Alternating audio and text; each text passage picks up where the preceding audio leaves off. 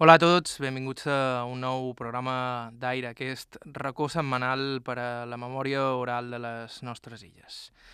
La paraula memòria sembla ser tot arreu aquests dies, especialment quan parlam de la memòria de la Guerra Civil. Tot sovint es repeteixen les notícies sobre noves exhumacions de fosses de represaliats arreu de les illes, les darreres a Porreres i a la Mola, a Formentera, i aquests dies també coneixíem la història dels 21 frares eivissencs represaliats pel bàndol republicà el 1936 i a part, aquesta casa, aquests dies, està matent, després d'anys d'esforços, la sèrie documental Memòria i oblit d'una guerra, originalment emès per televisió de Mallorca. Sembla com si la memòria ens encalcés per tot arreu. Diu el tòpic que qui no coneix la seva història està condemnat a repetir-la. Jo afegiria que no es tracta només de conèixer-la, cal comprendre-la.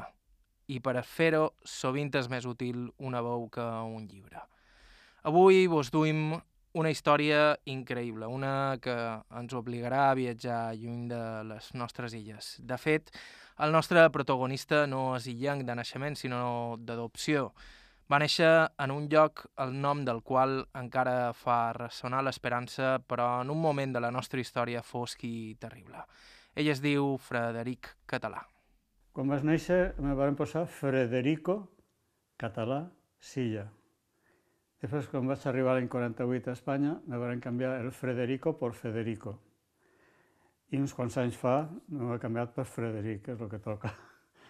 I, bueno, mmm, Frederic Català i Silla, o Silla. Silla és un apell, un cognom valencià i català també és, és valencià. Tota la família és de València, encara que tinc família en Barcelona i, i aquí a Mallorca també tinc família. I quan vas néixer? El 20 d'abril del 41, 1941. I on? A Elna, a la maternitat d'Elna.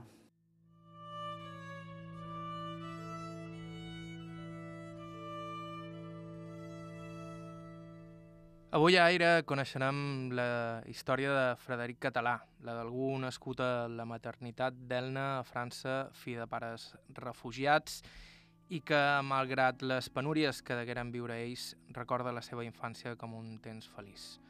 De fet, Frederic Català ha hagut de gratar molt per comprendre de veres la dimensió de la seva història i la dels seus pares.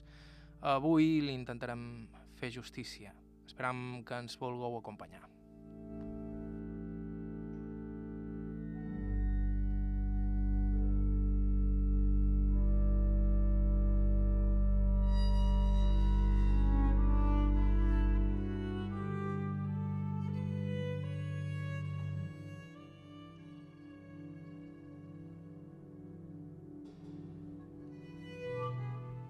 Això va passar fa només uns quants dies. Som a, l'Aró, les faldes de la Serra de Tramuntana, a Mallorca.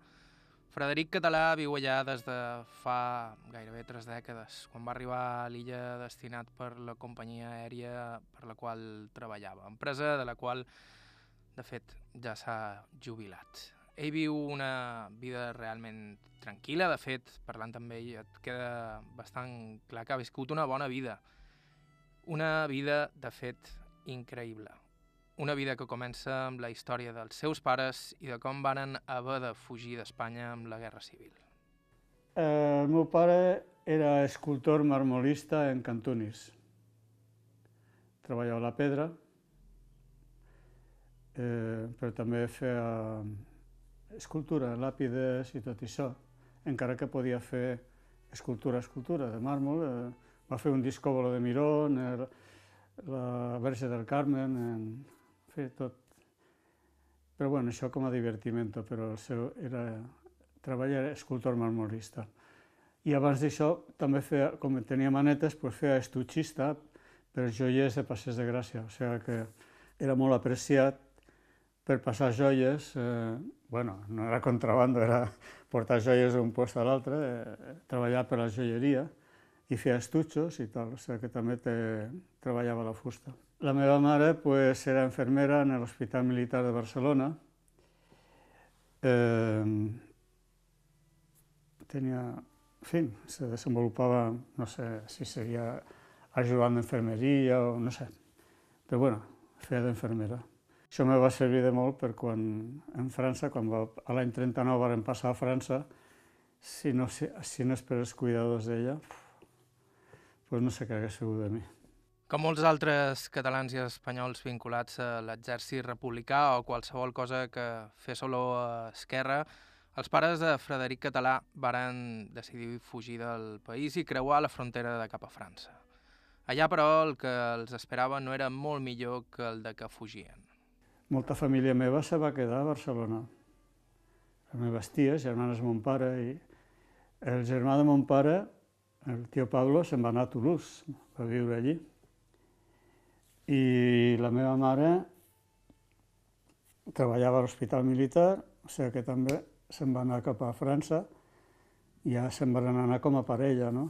Van travessar el 39 a peu, fins, van travessar fins a França, i allí els esperaven els camps de refugiats, mil vegades pitjor que els camps de concentració de, dels alemans. Tordeja de, en fin, de, d'alambrades, els senegalesos allí con les machetes i tal. I, en fi, jo crec que, bueno, ja ho explica la història, la rebu... els, els francesos estaven una miqueta com a... no s'esperaven aquell, aquella, gent, aquella gentada de, que venien de, de Catalunya, no? I ho varen, varen estar més d'una setmana sense aigua ni res, o sigui, bueno, un desastre. El matrimoni havia tingut, de fet, una filla anterior que va morir poc després de néixer i que en Frederic ha estat incapaç de descobrir on està enterrada. La meva germana no sé on va morir, que la meva família no m'ho ha pogut dir mai. Sí, va morir dos anys abans que jo, l'any 39, de pulmonia doble. I Ernest Capellà diu que va morir segurament aquí a Barcelona, però no me consta a mi. No me consta. Realment m'agradaria saber on està per portar-li un ram de flors. Aquí cal tenir en compte les circumstàncies. La vida dels camps de refugiats era terrible, sense menjar i sense aigua. Molts moriren malalts a l'arena de les platges, improvisats campaments per a contenir la llau de gent que fugia de les represàlies del bàndol nacional.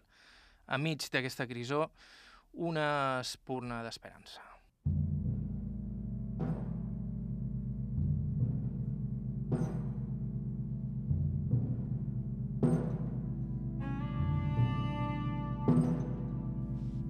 Després de perdre la seva primera filla, la mare de Frederic Català es va tornar a quedar embarassada.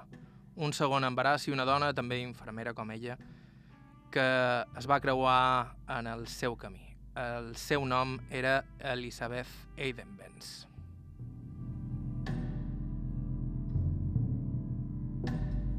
Nascuda a Suïssa el 1913 i després de dedicar-se a diverses causes humanitàries durant la Guerra Civil, Aiden Benz va convertir un palau abandonat a Enna, a prop dels camps del Rosselló francès, en una maternitat improvisada en què varen néixer més de 600 fills de refugiats. Un d'aquests nins va ser Frederic Català.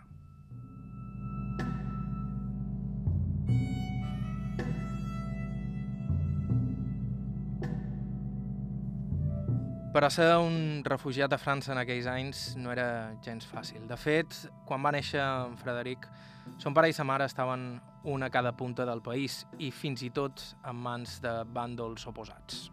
El meu pare, quan jo vaig néixer, estava en, en Normandia, en Brest, en la base de submarinos, eh, vaig eh, eh, prisioner dels alemans, un camp de treball i tal i qual. I la meva mare bueno, quan va sortir del camp de, del camp de concentració, jo vaig néixer, ja vaig passar a, per molts puestos, eh, Mas de Calviac, Sarlat, Suïllà, Carlús, eh, i finalment Toulouse, i en Toulouse eh, va treballar pels nord-americans.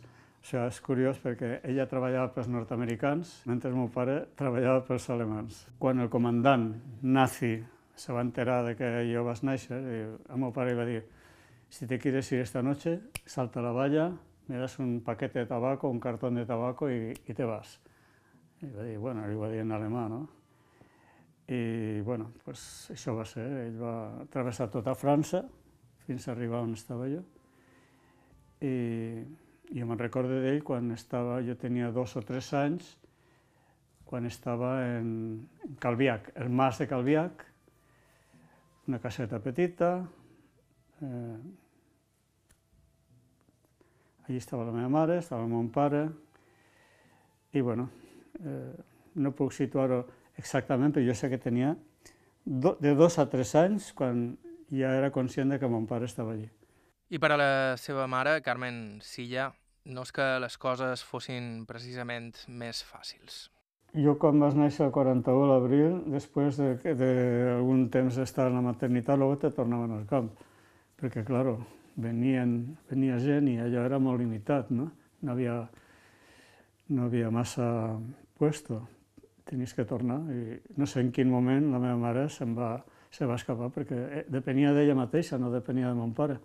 Se va escapar i va anar d'aquí cap allà, eh, treballant pels camps, recollint naps i un fred que feia impressionant, sota zero. Una de les vegades els obligaven a treballar tan durament que ella va llançar una maledicció i totes les màquines se van parar a l'instant. Eh? M'ho va contar ella, diu, eh, permita Déu que, que, que això se pari, que, que, perquè els estaven obligant a treballar eh, manualment i les màquines no sé qui les empleava o en quin moment se varen passar de rosca, d'explotació, no?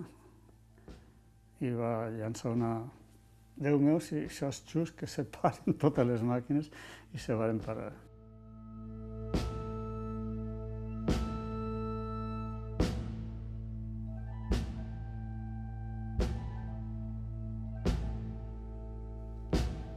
Que s'aturessin les màquines, t'ho pots creure o no, però l'anècdota és igualment il·lustrativa de la força d'una dona que en aquells anys de vida de, del seu fill Frederic va haver de fer front a unes circumstàncies realment adverses i que, malgrat tot, va anar ben alerta de transmetre-li ni un bri d'aquella misèria. De fet, la infància de Frederic Català va ser, contra tot pronòstic, gairebé idíl·lica. En uns segons sentim el nostre protagonista d'avui parlar-ne. Estau escoltant Aire, això és IB3 Ràdio, fem una petita pausa i continuem.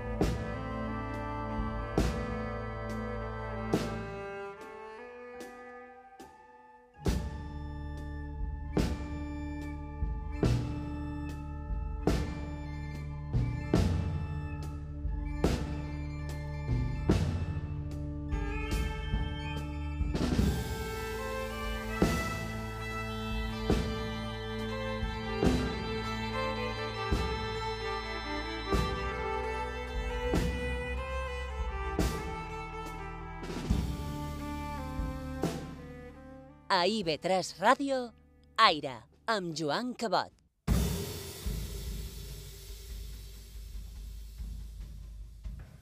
Joan Cabot. Aire.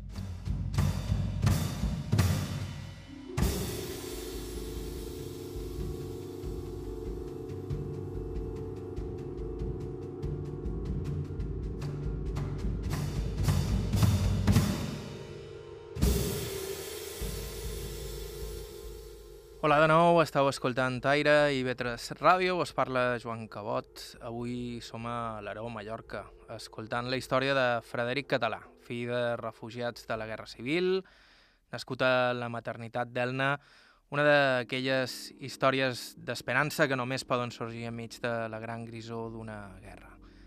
De fet, la història de la maternitat era un dels capítols més desconeguts de la postguerra, fins que la historiadora Assumpta Montellà va publicar un llibre precisament anomenat La maternitat d'Elna i que explicava la història d'aquells més de 600 nins nascuts a l'exili. Nins, molts, que desconeixien els seus orígens com el mateix Frederic Català.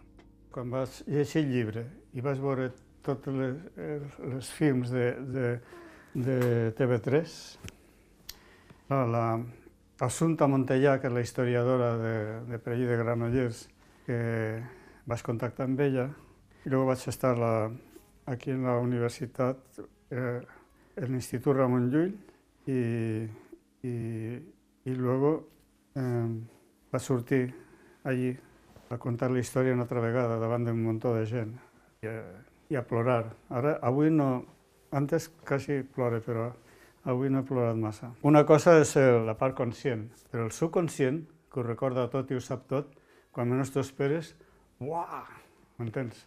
No, quan va ser el moment que te va fer clic? Vares dir el que...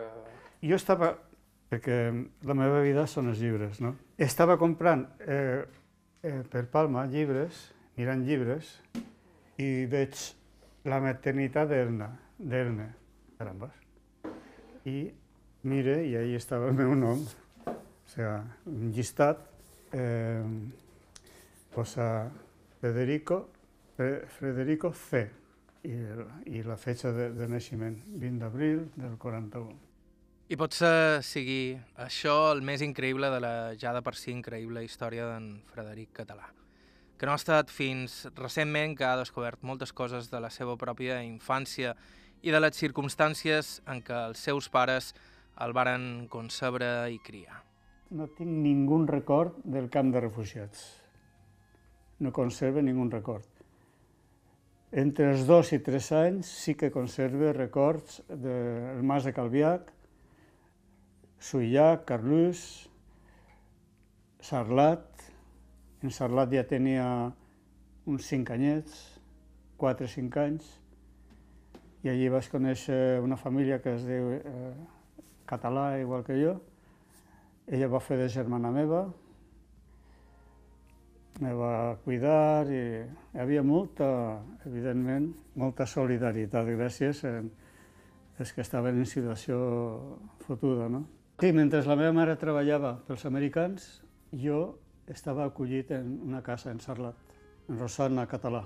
I, i la seva mare Avelina, la seva tia Neus Català, és la que va estar agafada en, en camp de concentració, que va salvar de miracle de morir cremada en els crematoris i tal.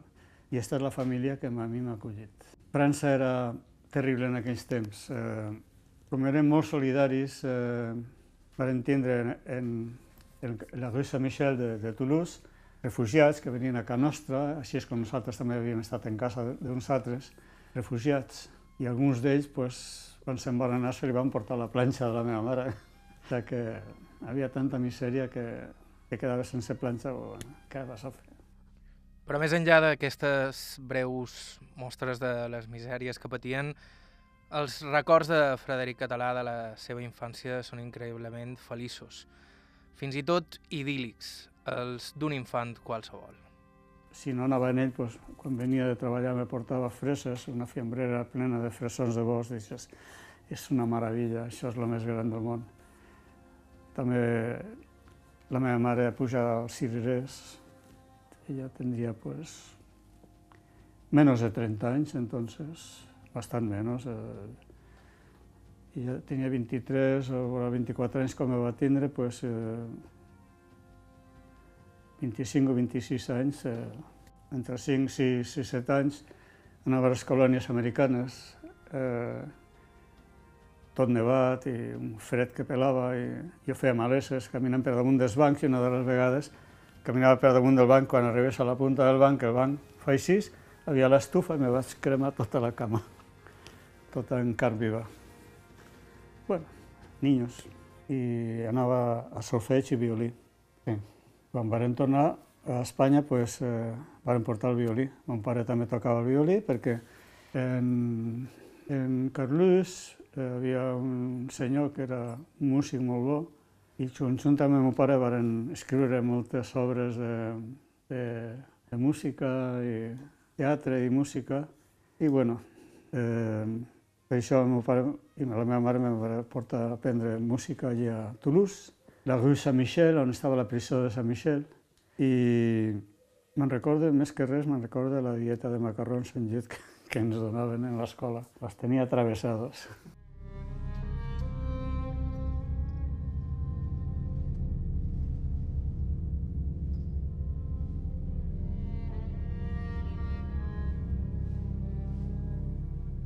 En resum, la de Frederic Català, malgrat néixer en unes circumstàncies increïblement desfavorables, passa una infància com la de tants altres nins, sobretot gràcies al fet de ser estimat per uns pares amb un caràcter excepcional i una sensibilitat artística que varen saber transmetre al seu fill. Això és el que tinc que agrair als meus pares. Tot el que jo recordo és preciós. Eh, el bosc, els arbres fruiters, les soques que me perseguien, no me podien agafar, jo corria més que elles. Tot molt bonic, perquè és l'únic que recordo. Ja vas vindre als set anys i mig a Barcelona i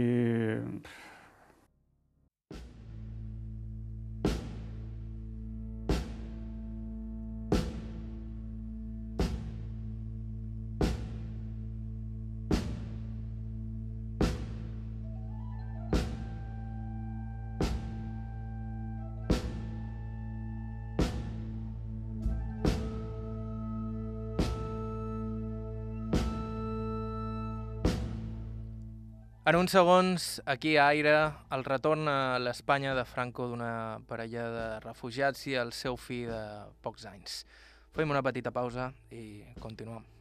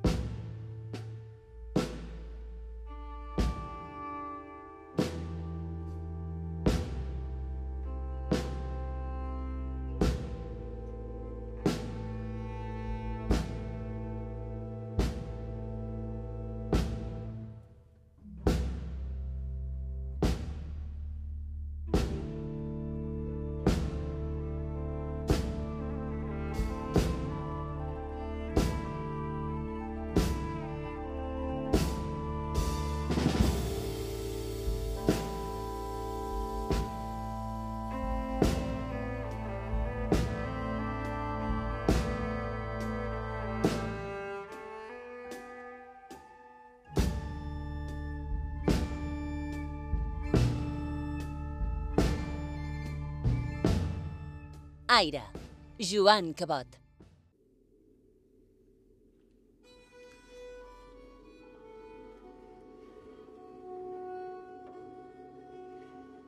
Aire, Joan Cabot. IB3 Ràdio.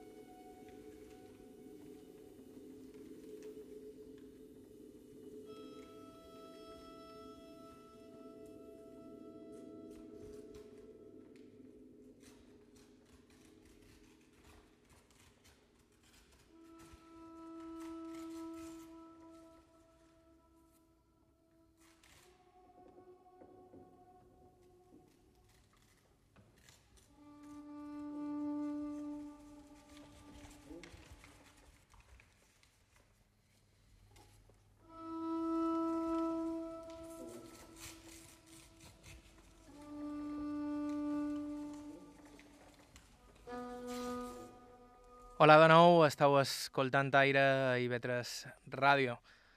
Avui sentim la veu de Frederic Català, la veu i els seus records, fill de pares refugiats durant la Guerra Civil, nascut a la maternitat d'Elna, a França, i que, malgrat això vos pugui sonar com una desavantatge, va viure una infància realment envejable. Ens hem quedat en el moment en què la família del nostre entrevistat estava a punt de tornar a Espanya. Abans de continuar, recordar-vos que si vos heu enganxat ara en el programa o si voleu recordar qualsevol dels nostres programes anteriors, res més fàcil. O podeu fer eh, la ràdio la carta d'aquesta casa, o bé a través d'Apple Podcast, Spotify o qualsevol altre servei que faceu servir per escoltar podcast. Tornem a la vida de Frederic Català i els seus pares. Som a l'any 1948, quan varen decidir intentar tornar a Espanya. L'any 48, octubre del 48, varen tornar a Barcelona. A Barcelona, pues, la, la cartilla de racionamiento i FQA pel pa i totes aquestes històries. Tinc família de, eh, de marit de, de la germana de mon pare, que també va estar agafat, va estar, eh, va estar també per allà dalt, i després va tornar, molt abans que tornéssim nosaltres. Tornar cap a Espanya després de, de l'any 39 o així era com si te fusilaven, no? Era un fusilament segur. I el meu pare va obtindre garanties de la meva família de Barcelona, que se va quedar, els que se varen quedar també van haver que varen anar i varen tornar, garantia de que no li passaria res. De nou, la família feia front a les dificultats. Els retornats no eren precisament ben rebuts a l'Espanya de Franco i només rebien ajuda per part d'aquells que, com ells, sabien que era l'exili. Quan va vindre la família que me va acollir a Sarlat, perquè són dels guiamets de, de l'Ebre, pues, eh, varen agafar un pis a Barcelona i quan se'n varen tornar a França, pues, eh, la meva mare va agafar aquest pis de lloguer. Anys després el vam comprar en propietat, però bueno.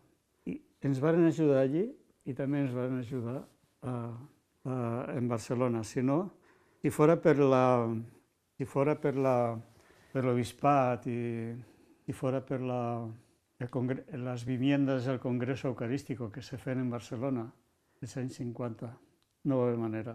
Ni sol·licitud, ni per aquí, ni per allà. No vam poder aconseguir res, perquè teníem un, una lacra una miqueta no massa bona per aquella època, tant si fora l'església com la policia com la Guàrdia Civil. La Guàrdia Civil estava alerta i si se deixava el bigoti, si no deixava el bigoti, li pegaven hòsties. O sigui, el meu pare jo l'he vist cascat per la Guàrdia Civil, ho sento, és així. Però si se deixava el bigoti, però si no se'l deixava, com que camuflant-te, perquè ell treballava en la CAMSA i tenia que anar molt al moll, al moll de Barcelona, per treballs que tenia que fer.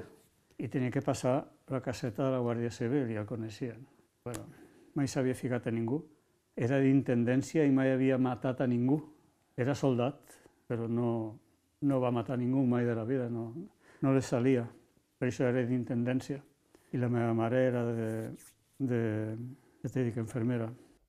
Les coses estaven tan malament per ells a Espanya que en alguns moments es varen penedir d'haver tornat i deixat França.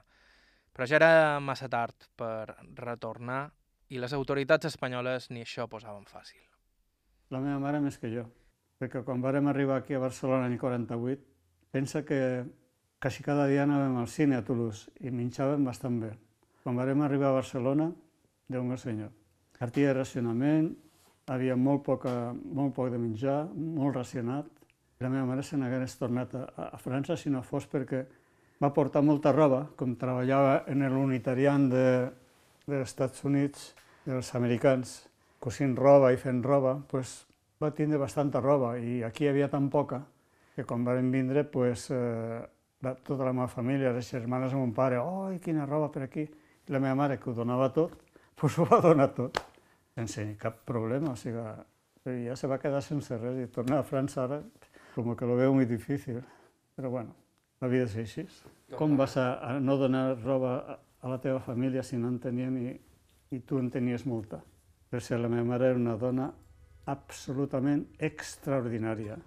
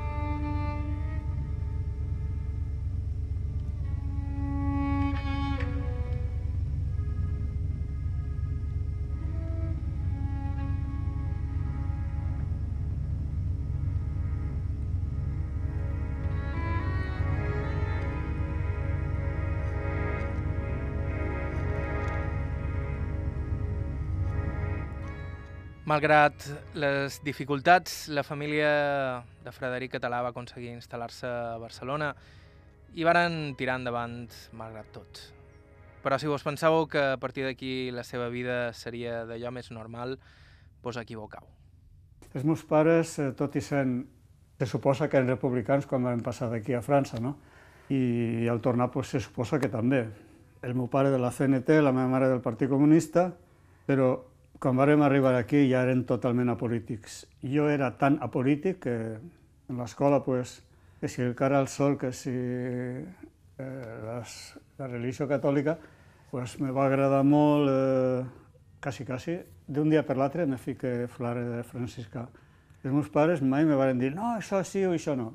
Que vols ser flare? Doncs pues fica't flare, que no, que no. I un dia abans de ficar-me flare del meu cosí de València, en l'ull trencat, i, i si havia que operar-lo eren moltes peles.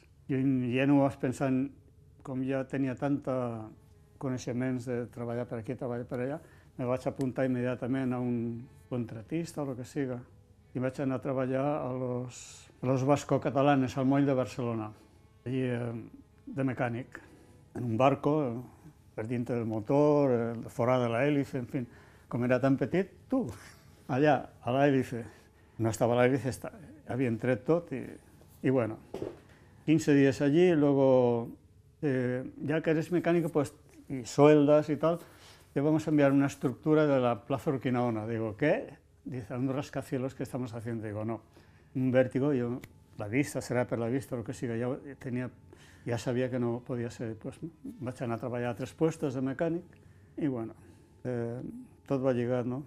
El meu, el meu padrí, el meu avi, va morir abans del 48 i el meu pare li van dir si volia ocupar la seva plaça al Camp de Barcelona, per això va tornar i li van donar certes garanties.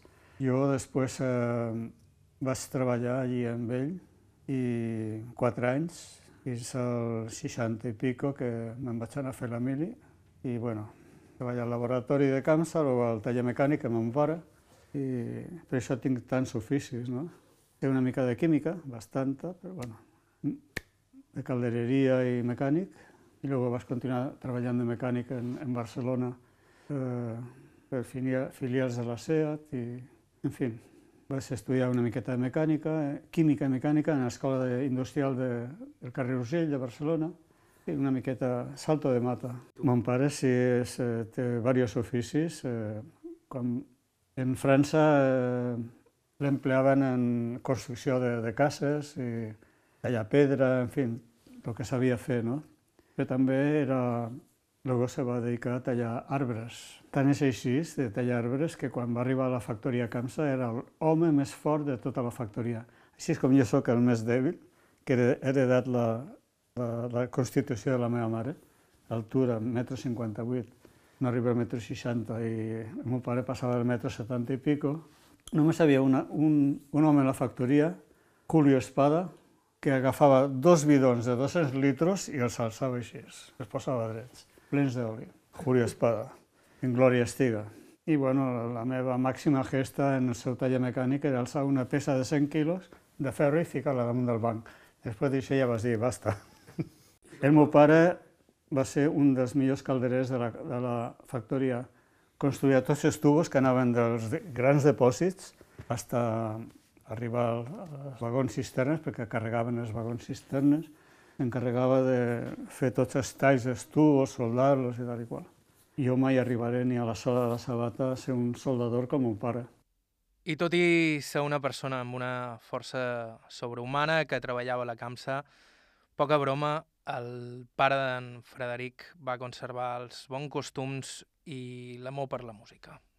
En Barcelona vàrem apuntar-nos en seguida a l'Orfeo de la Llira tunisenca, Orfeo és coros de claver. No era Orfeo, eren coros de claver, eren tot homos. I jo me vaig apuntar als petits fins que vaig tindre 16 anys i, i després ja me, va, me vaig apuntar als grans. Després, al mateix temps que érem dels, els coro de claver de, de, la, de Cantunis, de la Llira tunisenca, vam anar a la Federació de Coros de Claver i quan vas canviar de domicili, vam canviar de domicili, perdó, vam anar al carrer Villarroel, doncs, allí vas canviar de... cantaven les flors de maig y posteriorment en l'Orfeo Atlàntida, a todo, a todo Palau de la Música i tot és una meravella. La música sempre ha estat present en la meva vida des de molt petit fins, fins ara. De fet, ja ho ha apuntat abans, ho ha comentat breument.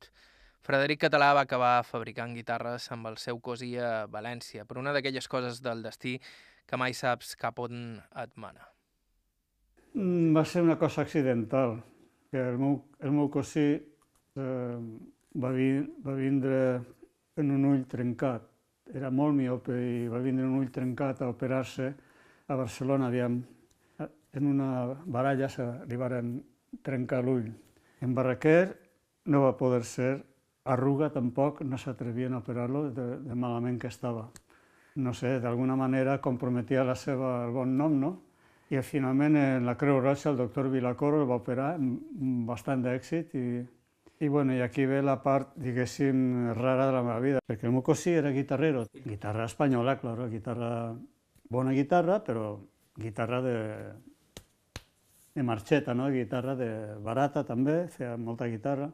Dice, una vegada el van operar a Barcelona, diu, si te vienes a València te enseño a hacer guitarra. Digo, hecho. Me va ensenyar a fer guitarres allí. Varen fer una societat entre ell i jo, i dos socis més en Alaquàs i varen fer guitarres, quatre persones, com diuen en València, guitarra a manta. Vinga, guitarra.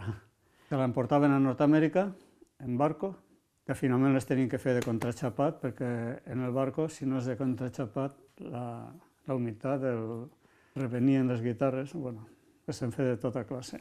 Vaig estar diversos mesos i eh, quan vaig complir 60, l'any 62, els 21 anys o així, em vaig anar a la mili.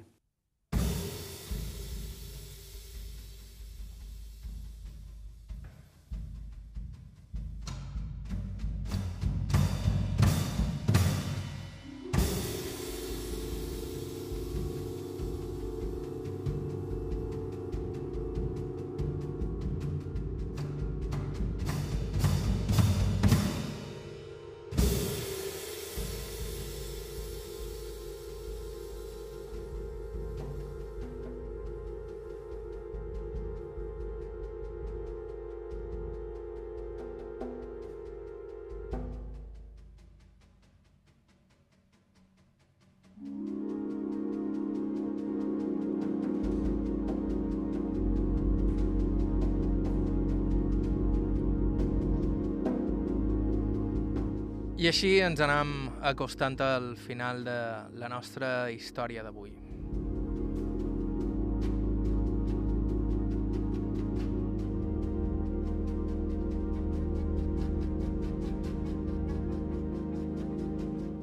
A l'Emili, que va passar a Lleida i després d'haver estat a València fent guitarres, Frederic Català va ser, com no, instructor de corneta.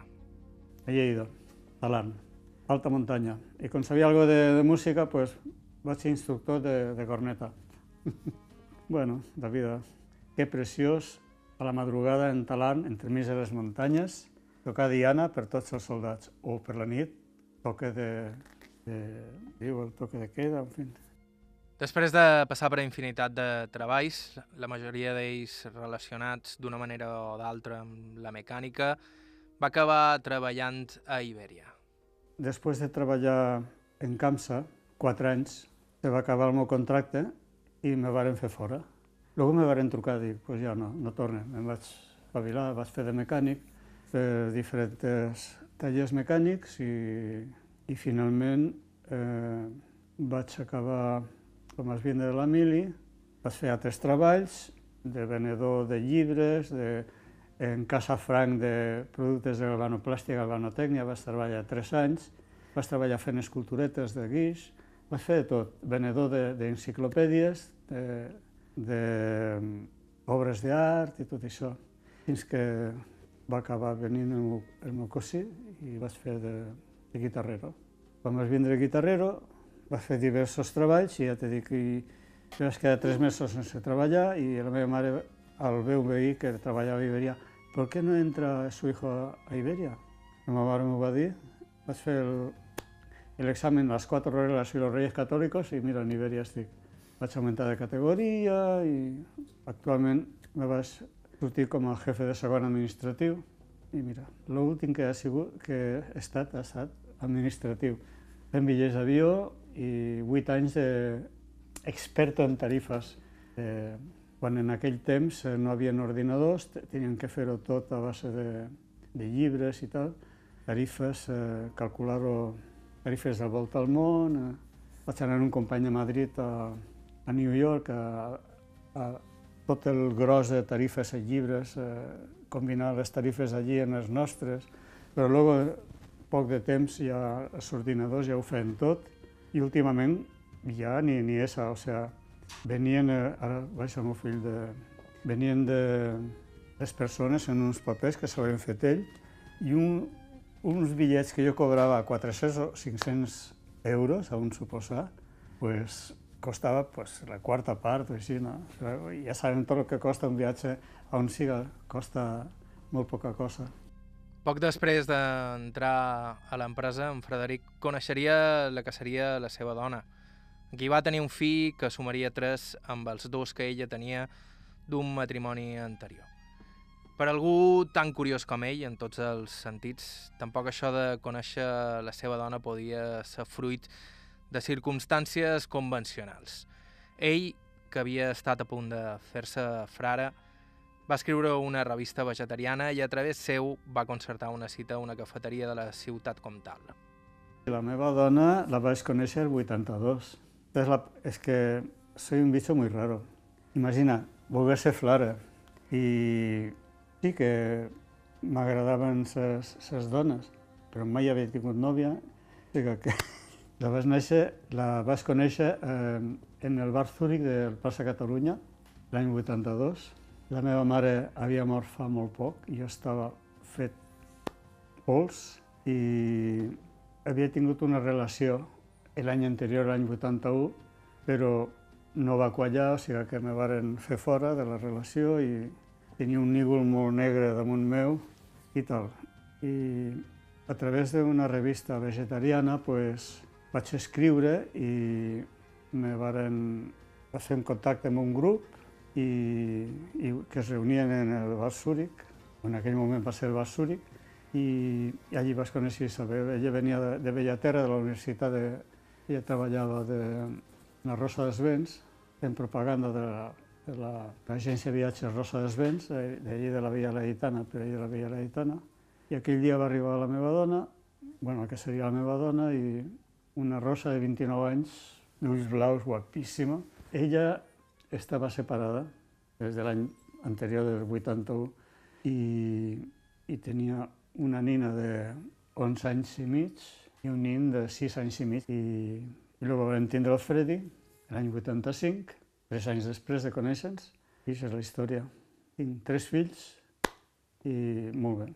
Va ser després de formar parella que el nostre entrevistat va arribar a Mallorca. Després d'unes vacances a l'illa, ell i la seva dona es varen enamorar de Mallorca. I ell va demanar el trasllat sense gaires esperances. Per sorpresa, però, li varen donar.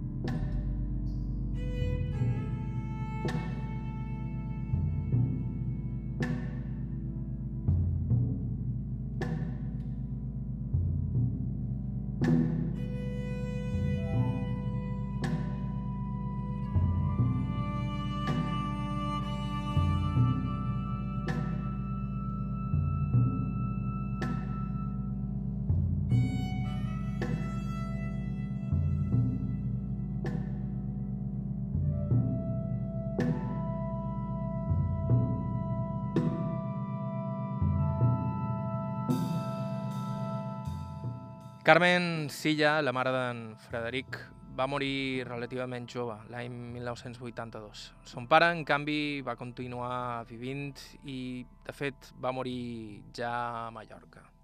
La meva mare va morir l'any eh, als 64 anys, l'any 82. Quatre operacions, algunes d'elles va morir, la van reviure i tot això. Horrorós. Perquè en els camps de concentració, en Argilès-sur-Mer, havia Sant Ciprià, Sant... en fi, n'hi havia molts. Eh, segur que agafaria alguna enfermetat de quistes de, de gossos, de, hidatídics, quistes hidatídics del gos, i quan la varen obrir eh, l'any 81, li varen ficar una, una sonda i li varen veure el que havia i Llavors varen obrir i en seguida varen tancar i s'ho varen pensar que és el que farien. Estava tot un racimo en el fetge i en el pulmó de quistes de gos. El metge li va dir, això, Déu meu, això és molt antic, diu, pues segurament en el camp de concentració ho va agafar, perquè les situacions higièniques eren pèssimes, però pèssimes, pèssimes. Mon pare va morir aquí a Mallorca, en la casa d'aquí al costat que ocupa la meva filla ara, el meu marit i els meus dos nets, i va morir aquí l'any 89, als, set, als 79 anys. Com era fumador des dels 9 anys, i va un exemple que no s'ha de fumar. L'aorta li va rebentar de cop i va morir instantàniament. L'aorta rebentada com si fos de cristal. Tenia 79 anys, està a punt de fer els 80 al febrer de, de l'any 90. Va néixer en 1917, ara tindria 101 anys. Igual que la meva mare, tenia la mateixa edat.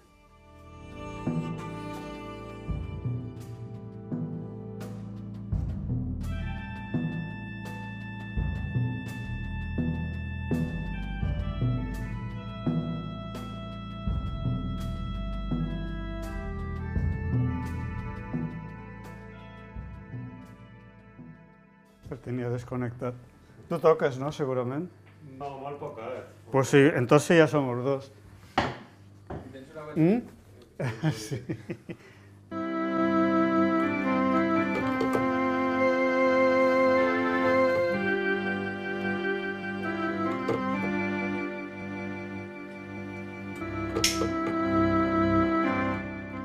I fins aquí, aire per avui. Tornem la setmana que ve. Gràcies a Frederic Català, va ser un autèntic plaer en- entrevistar-lo, així que moltíssimes gràcies pel seu temps i per les seves vivències. I gràcies també a Natàlia Gómez, que ens va escriure i ens va posar sobre la pista de la seva història. Aprofitant per comentar-vos que si coneixeu vides semblants, vides excepcionals com la d'en Frederic, ens podeu escriure un correu electrònic a aire.ivetresradio.com Ens encanten aquesta mena de, de històries, ens encanta escoltar-les i ens encanta poder-les enregistrar. També ens podeu seguir a Facebook, Aire IB3, a Instagram, Aire barra baixa IB3 i ens podeu escoltar a Apple Podcast i a la ràdio a la carta. Vos recordam que alguns dels materials d'aquest programa formen part dels fons dels arxius del so i la imatge dels Consells de Menorca, Eivissa i Formentera i de l'arxiu oral de Mallorca de la Fundació Mallorca Literària Consell de Mallorca. La música que ens ha acompanyat avui pertany al disc Cromola del grup noruec 1982, publicat per Hubro Music. Margalida Mateu i Bàrbara Ferrer la producció executiva, les entrevistes les gravam assistits per Jordi Pol i Mateu Moll, Miqui Fiola, la producció tècnica, vos ha parlat Joan Cabot. Fins la setmana que ve.